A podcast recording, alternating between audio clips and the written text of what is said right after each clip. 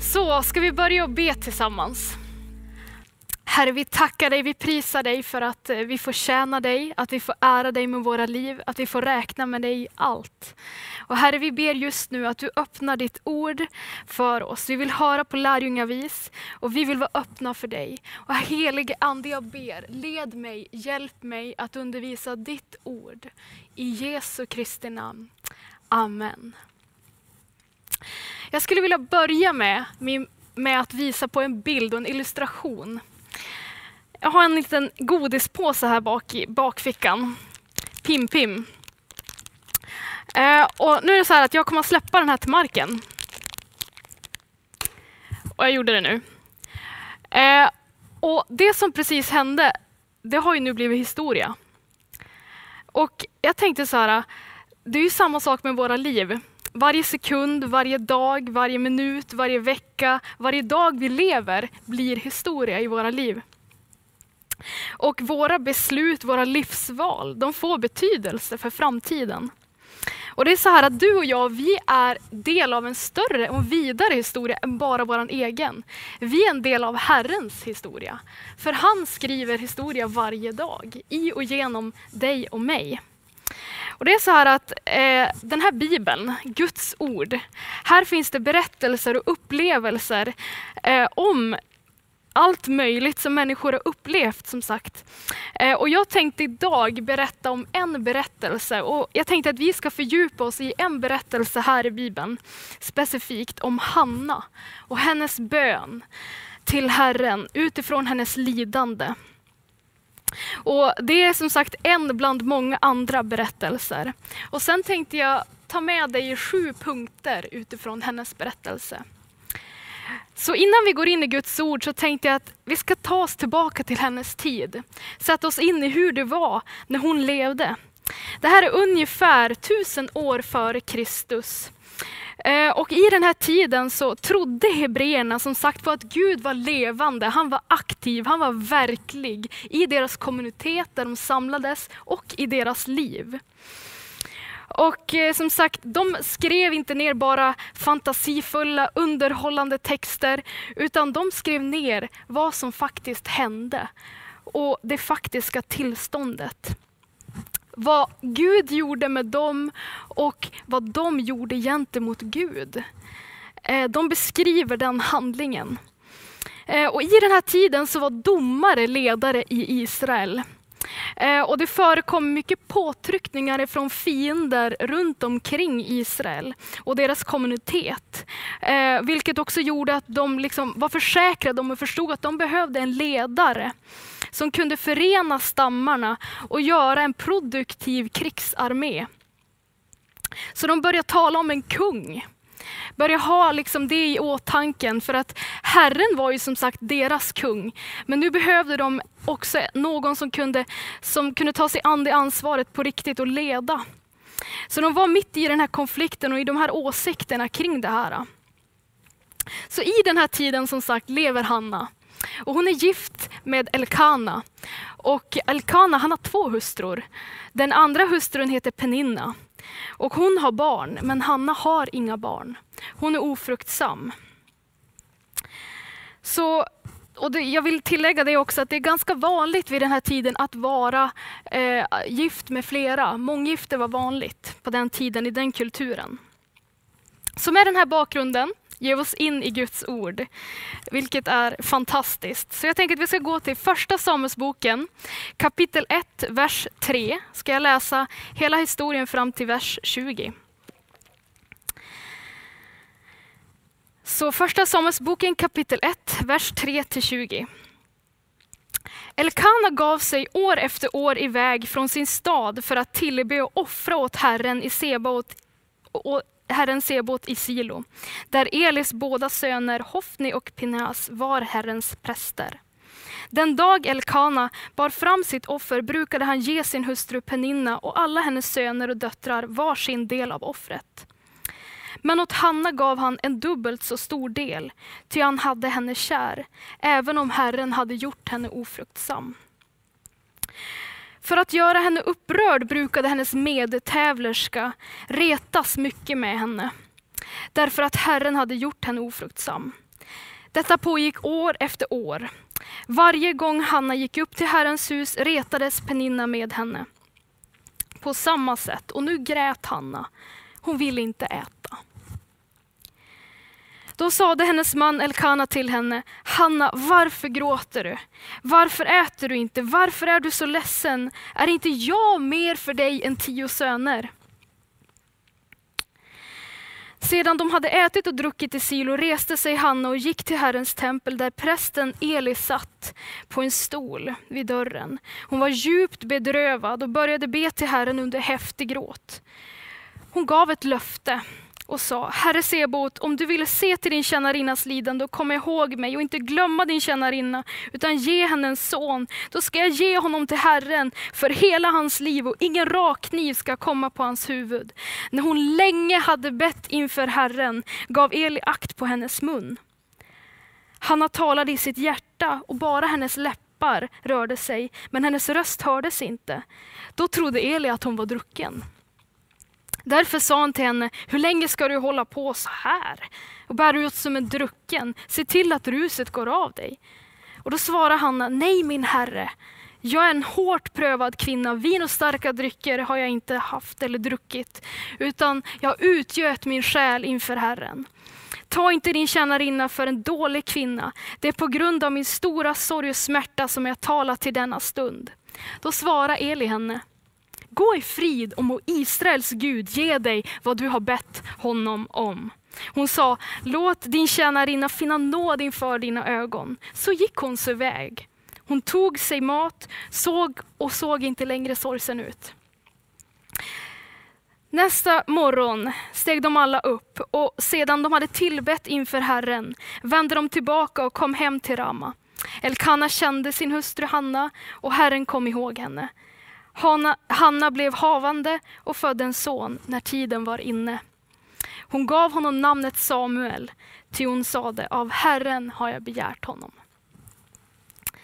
Ja, det här är en mäktig story och det finns så mycket att sätta sig in i. Men jag tänkte att vi ska fördjupa oss i några av de här verserna. Och jag ska börja med vers 9 till 10. Eh, då läser jag först verserna. Sedan de hade ätit och druckit i Silo reste sig Hanna och gick till Herrens tempel, där prästen Eli satt vid sin stol vid dörren. Hon var djupt bedrövad och började be till Herren under häftig gråt. Här ser vi att det är en måltid. Elkana har precis offrat i templet. Och den här offermåltiden pågick, det gjorde man år efter år. Och eh, nu sitter familjen här. Hanna reser sig upp och hon går själv på eget initiativ till templet för att söka Herrens ansikte. Och som sagt, där finns Eli, prästen, som eh, tar hand om liturgin och kyrkliga handlingar och finns där. Och eh, som sagt, hon börjar be utifrån sin ärlighet, utifrån klagan. Och det påminner oss om klagosalmer som också finns i Bibeln. Många böner av klagan finns det uttryck för i Bibeln, i Herrens historia. Eh, och något som är vanligt med en klagosalm, det är också att det kommer fram ett löfte. Och det kan vi se i nästa vers, i vers 11, att det är också någonting som Hanna gör. Hon ger ett löfte till Herren. Så vi läser i vers 11. Hon gav ett löfte och sa, Herre Sebaot, om du vill se till din tjänarinnas lidare och kom ihåg mig och inte glömma din tjänarinna, utan ge henne en son, då ska jag ge honom åt Herren för hela hans liv och ingen rakkniv ska komma på hans huvud. Det här är inte vilket löfte som helst. Det här är ett Nasir-löfte. Och nu kanske ni blir påmind om en historia som finns precis innan i domarboken om Simson. Och han var en Nasir och eh, han, han, han, han blev utvald till det redan i moderlivet. Eh, och eh, det häftiga med det här löftet är att Hanna utväljer sitt barn till att bli Nasir redan innan han kommer till. Eh, och eh, eh, just det här att det inte är Herren som utväljer heller, heller, utan det är Hanna som utväljer. Och jag tycker det är så frimodigt hur hon begär och ber Gud om det här. Eh, och vi går vidare nu två, tre verser till ska jag läsa. När hon länge bad inför Herren gav Eli akt på hennes mun. Hanna talade i sitt hjärta och bara hennes läppar rörde sig, men hennes röst hördes inte. Då trodde Eli att hon var drucken. Därför sa han till henne, hur länge ska du bära åt som en drucken? Se till att ruset går av dig. Alltså tänk er, hon blir anklagad av prästen. Och, och, det är ju liksom för att Eli han blir helt chockad. För det första, det kom en kvinna till templet. Det brukar kanske inte ske på den tiden på det sättet, själv, utan offer. För det var också något som tillhörde liturgi, att man offrade ett djur. Eller det fanns liksom en, eh, i samband med bönen som man hade. Och oftast var det prästen som också vägledde i de här eh, stunderna. Liksom. Och Eli han, han liksom betraktar det här och ser det här. Och hon mumlar liksom. Så det är klart han tänker att hon, hon måste ju vara drucken. Eh, och han tänker att hon som sagt skändar och vanärar templet som en helig plats där man ber inför Herren. Ja, och vad svarar Hanna då i vers 15 till 16? Nej min herre, svarade Hanna, jag är en hårt prövad kvinna. Vin och starka drycker har jag inte druckit, men jag utgöt min själ inför Herren. Ta inte din tjänarinna för en dålig kvinna, det är på grund av min sorg och stora smärta som jag har talat till den här stunden. Eh, eh Hanna hon, hon upplever eh, väldigt mycket och hon ger uttryck för sina känslor. Och eh, hon försvarar sitt hjärtas bön. Sitt lidande uttrycker hon ärligt och uppriktigt till Herren. Hon utgjuter hela sin själ inför Herren.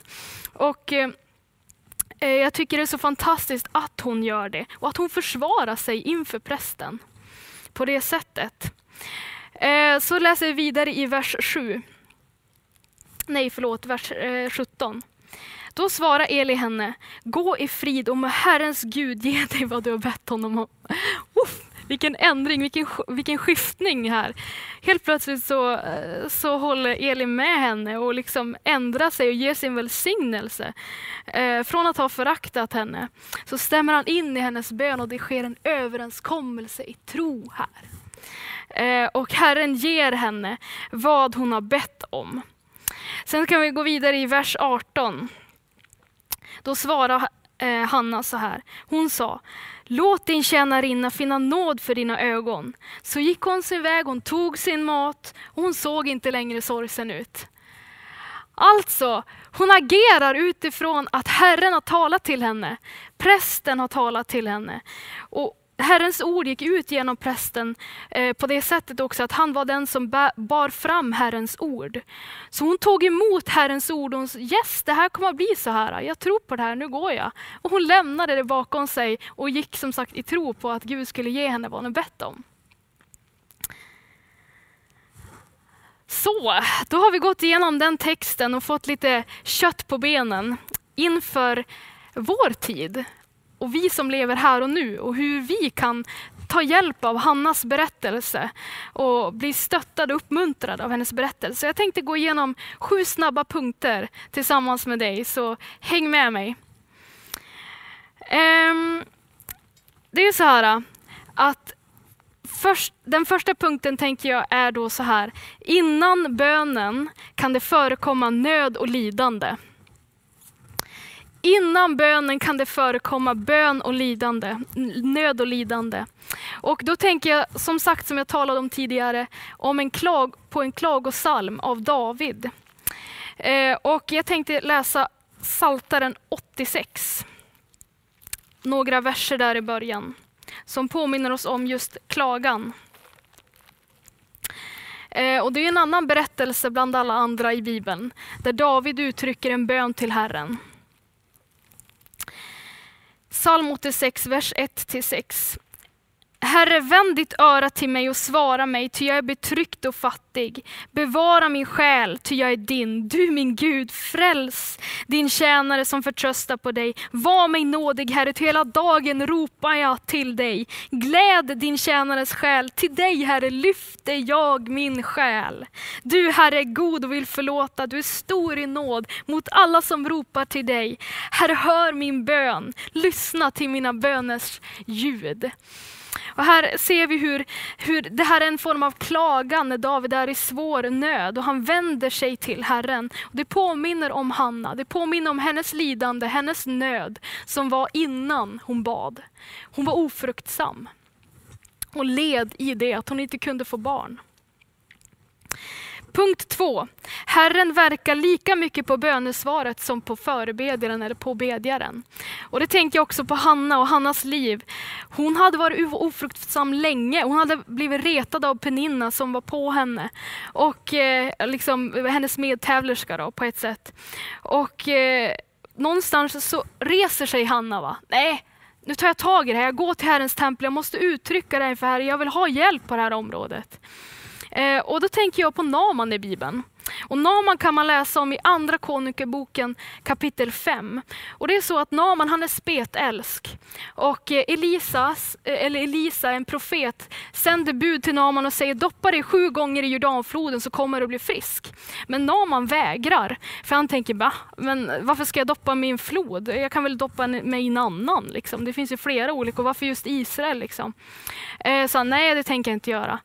Men då hans tjänare uppmuntrar honom och säger, men hallå, profeten bad om att doppa dig i en flod, det kunde ha varit svårare än så. Eh, så gör det liksom. Och han ändrar sig. Han gör det. Och vad händer? Han blir frisk. Eh, så Gud han verkar på oss lika mycket som på bönesvaret. Punkt tre. Bönen formuleras genom ett konkret behov. Och det är ju så här att Hanna, hon visste vad hon ville ha. Hon ville ha en son. Hon ville ha ett barn.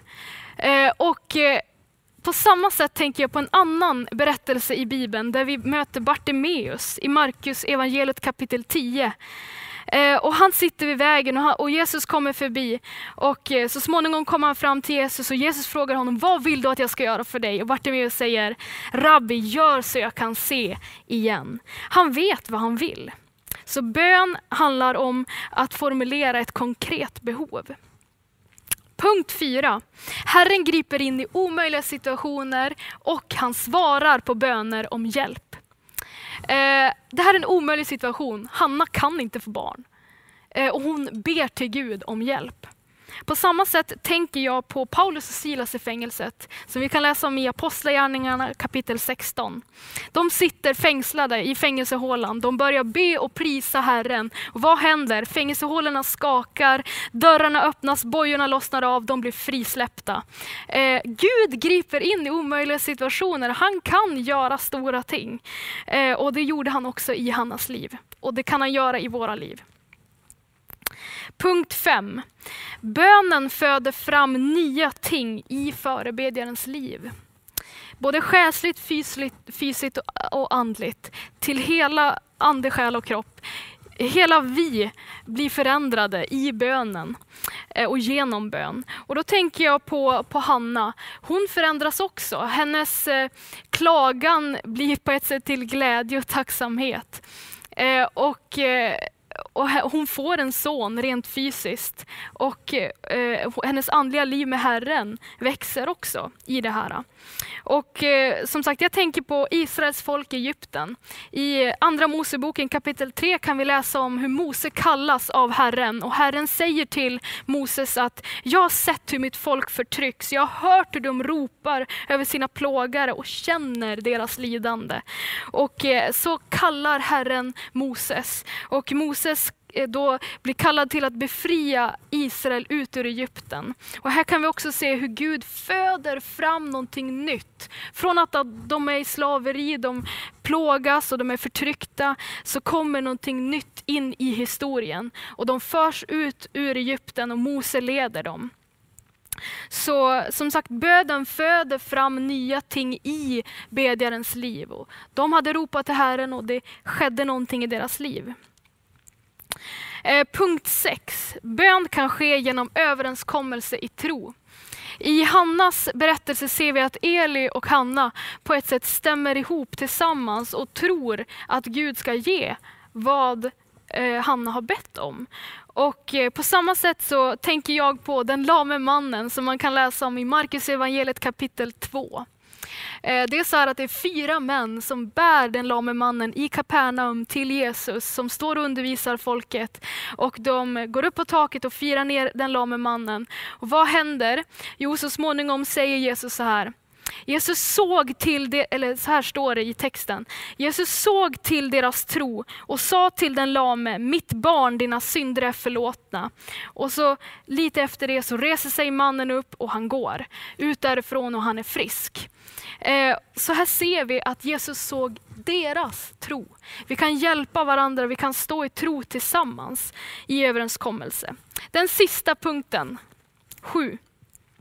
Förebedjaren kan agera som att man har bönesvaret redan innan man har det. Eh, och det är också med Hanna. Eh, vi kan se i hennes liv att hon, hon agerar. Hon liksom ställer sig upp, hon tar sin mat, hon går därifrån, hon är inte sorgsen längre. Eh, någonstans så går hon som om hon, hon redan har bönesvaret. Någonting händer i hennes liv. Eh, och på samma sätt kan vi också göra det. Och då tänker jag på Josafat i Bibeln som man kan läsa om i Andra krönikeboken kapitel 20. Josafat han var kung i Juda och eh, just i den här perioden, eh, det jag tänker på just nu, så är det en strid som de står inför mot Moab och Amnons barn. Och han utlyser en fasta eh, och han säger, liksom, se till att folket ska fasta och när de fastar så talar Herren till dem och säger ni ska vara stilla, jag ska strida för er. Så följande morgon så ger de sig ut eh, och, och de samtalar kring hur de ska göra. De sätter ut sångare först som prisar prisar och lovar Herren och tackar honom för att de har fått striden redan. Alltså det är så coolt. Och eh, vad händer? Jo, det kommer ett slag bakifrån ifrån Seris bergsbygd och slår då Amnons och Moabs barn, eh, eller Moab, eh, helt liksom framför deras ögon och de, de måste ju stå där mm, liksom helt förundrade över vad Gud gör för dem. Så som sagt, vi kan agera som att vi har bönesvaret redan innan vi har det. Det var de sju punkterna. Så jag tänker så här, vad händer då vidare? Jo, som sagt, eh, Hanna får Samuel. Och Samuel, eh, han blir en erkänd präst, domare, profet och ledare i Israel. Och Hanna kunde nog inte ana att Samuel skulle vara den som smorde Israels första kung, Saul, och sen också David som vi vet är en stor hjälte i Bibeln. Han var med Saul och ändrade ledarskapsstrukturen i Israel eftersom det kom att bli kungar under tiden som Samuel lede, levde. Och eh, som sagt, Eh, hans namn betyder bönhörd av Gud. Eh, och jag tycker det är så häftigt att hans namn påminner om hans mamma som bad till Herren och fick bönesvar. Så tillbaka till Hanna. Hanna gjorde ett avgörande livsval, vilket kom att påverka så många i historien efter henne i Bibeln. Hon valde att dela sitt liv med Herren allt vad hon var, hela sin själ. Hon var ärlig och uppriktig med Herren. Och Herren blev ärad i och genom hennes livshistoria. Så i, i Samuelsboken kapitel 2 kan vi också läsa om hennes lovsång, hennes tacksägelse till Herren. Eh, och Det får du gärna göra efter det här om du känner för det. Eh, fantastisk lovsång. Så som sagt, Hanna hon fick ett nytt liv efter att hon bad. Och du och jag, vi kan också få ett nytt liv efter att vi ber och när vi ber. Gud gör någonting i och genom bönen. Ja, nu har jag ju nästan glömt den här godispåsen här, men jag ska ta upp den. Det är viktigt att komma ihåg historien. Viktigt att komma ihåg vad Gud gör i historien. Eh, och viktigt att komma ihåg vad han säger i sitt ord. För han har någonting som han vill säga till oss idag. Och du och jag, vi är en del av historien. Vi skriver den tillsammans med Herren. Och du och jag, vi kan skriva historia genom våra böner. Vi kan förändra saker och ting genom vad vi gör här och nu. Så jag vill uppmuntra dig till att be och söka Herren som Hanna gjorde. Eh, var ärlig och uppriktig med Herren. Om det är så att det är något som ligger på ditt hjärta som du inte har talat ut med Herren om, gör det. Han hör dig och han vill höra dig. Han vill möta dig där du är just här och nu. Bönen är en källa till liv och du och jag, liksom Hanna, kan ta beslutet att skriva historia tillsammans med Herren genom vår bön. Jag tänkte att eh, nu ska vi be en avslutande bön tillsammans. Eh, och jag vill gärna be för dig och för mig själv. Eh, så vi ber tillsammans eh, och riktar våra hjärtan emot honom. Och sen tänkte jag att vi kan stämma in i en gemensam bön, Fader vår, som vi alla känner till. Som är en fantastisk bön som vi kan be. Ja, Herre, vi prisar dig. Herre, vi tackar dig för att du är god. Vi tackar dig för allt vad du gjorde i Hannas liv, för allt du gjorde i Israels historia, allt som vi får lära av dig, Herre. Och det du har gjort och det du har representerat i historien. Jag ber, Herre, för var och en av oss, att vi inte ska sluta hungra eller törsta efter mer av dig, Herre, och din ande, Herre. Och Herre, jag ber att vi ska be uthålligt och frimodigt och vara öppna inför vad du vill vill göra i och genom oss, Herre. Vi tackar dig Fader för att du kan komma i en tid som denna och beröra vårt land, beröra vår stad, beröra vår värld. Du kan nå människor genom våra böner och du kan förändra saker och ting. Tack Gud att vi får tro på dig Herre och förvänta oss att du ska göra under och mirakler mitt ibland oss Herre. I Jesu namn. Så avslutar vi med att be Fader vår. Fader vår, du som är i himlen. Helgat vare ditt namn. Tillkomme ditt rike. Ske din vilja, så som i himmelen så också på jorden. Vårt dagliga bröd ge oss idag och förlåt oss våra skulder som vi förlåter dem som står i skuld till oss. Inled oss inte i frestelse utan fräls oss ifrån det onda. Ditt är riket och din är makten i evighet. Amen. Amen. Så vill jag avsluta med också att säga att om du inte har tagit emot Jesus som din Herre och Frälsare, du längtar efter en relation med Gud och du kanske undrar vad är det för historia du står och pratar om egentligen? Så vill jag bara uppmuntra dig och säga att Jesus lever, han finns på riktigt. Han vill ha gemenskap med dig och mig. Och han har förvandlat mitt liv, han kan förvandla ditt liv. Och när du ber en bön till Gud så kommer han att möta dig och komma in i ditt liv och förvandla dig från insida ut. Och det är jag övertygad om. Så kontakta gärna oss och, och hör av dig till oss så ska vi hjälpa dig vidare i relationen med Herren. Så underbart! Tack Debora, vad duktig du är. Ja. Amen. bra. så, så fantastiskt härligt och härligt ord om bönen också. Är det någonting som man aldrig kan stoppa är det bönens kraft. Det är helt fantastiskt. Amen. Ja, Och det- älskar att be. Ja, och jag tänkte i den här historien också om Hanna, snacka om att vara i underläge. Liksom. Kommer till kyrkan och prästen säger, vad, vad håller du på med, gå Ja. härifrån. Ja, Liksom. Och, och, men Bibeln är full av sådana berättelser. Ja, ja. Du, vet, att du har predikat om kvinnan som, ges, som, som ville ha en mirakel för sin dotter och Jesus jag har inte tid med dig. Ja. Och hon sa, ge mig bara en smula. Ja, Jag tycker ja. det är så fantastiskt. Så, vem du än är, hur du än har det, om du känner jag kan inte be. Jo, du kan be. Det är Ja. bara att öppna ditt hjärta till Ja. honom. Och så talar du till Herren och så kan du också lyssna. Ibland är vi duktiga på att prata, men vi kan också lyssna efter vi har bett. Herre, vill du säga någonting? Ja, Amen. yes, Och sen så är det möjligt också att under den här kommande veckan vara med på de här bönetillfällena som vi har i kyrkan. Och det finns eh, många olika tillfällen, så gå in på hemsidan eh, och titta där på de olika tidpunkterna som vi samlas till bön. Underbart, för det kan vara lättare att be ibland om man får draghjälp också. Ja, Amen. Precis, riktigt. men man kan Yes. be alltid. Ja, Överallt. Ja, Amen. halleluja. Underbart! Och var du med, kanske du inte känner Jesus eller är på väg tillbaks till Jesus. Det är så underbart de senaste veckorna, vi har fått kontakt med människor som har skrivit till oss. Jag vill, vi, vill, ska, vi vill börja gå med Gud igen, Gud har rört våra hjärtan. Och, och, det är så härligt, jag har haft samtal den senaste veckan och bara Gud gör någonting i människors hjärtan.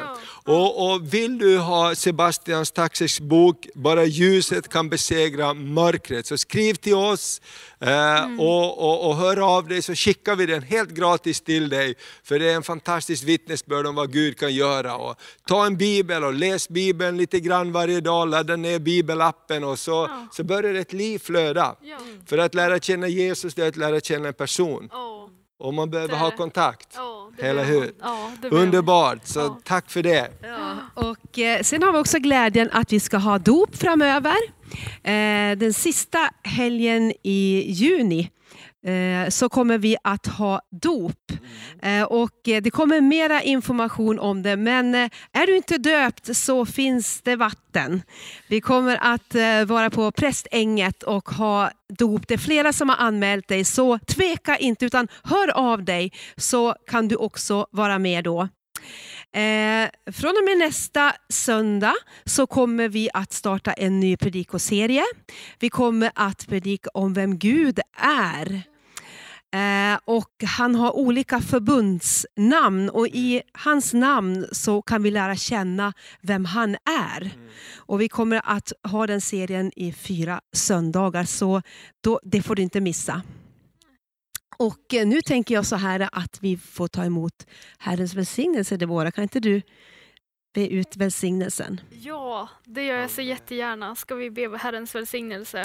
Och vi kan ju också kanske passa på innan du börjar att vi tackar alla som har lyssnat Ja. den här söndagen. Ja. Jätteroligt och tack än en gång Deborah så att du Ja, tack. delade ordet med oss. Ja, Mm. tack. Ja. Herren välsigne dig och bevare dig. Herren låter sitt ansikte lysa över dig och vara dig nådig. Herren vänder sitt ansikte till dig och ger dig sin frid i Faderns, Sonens och den helige Andes namn. Amen.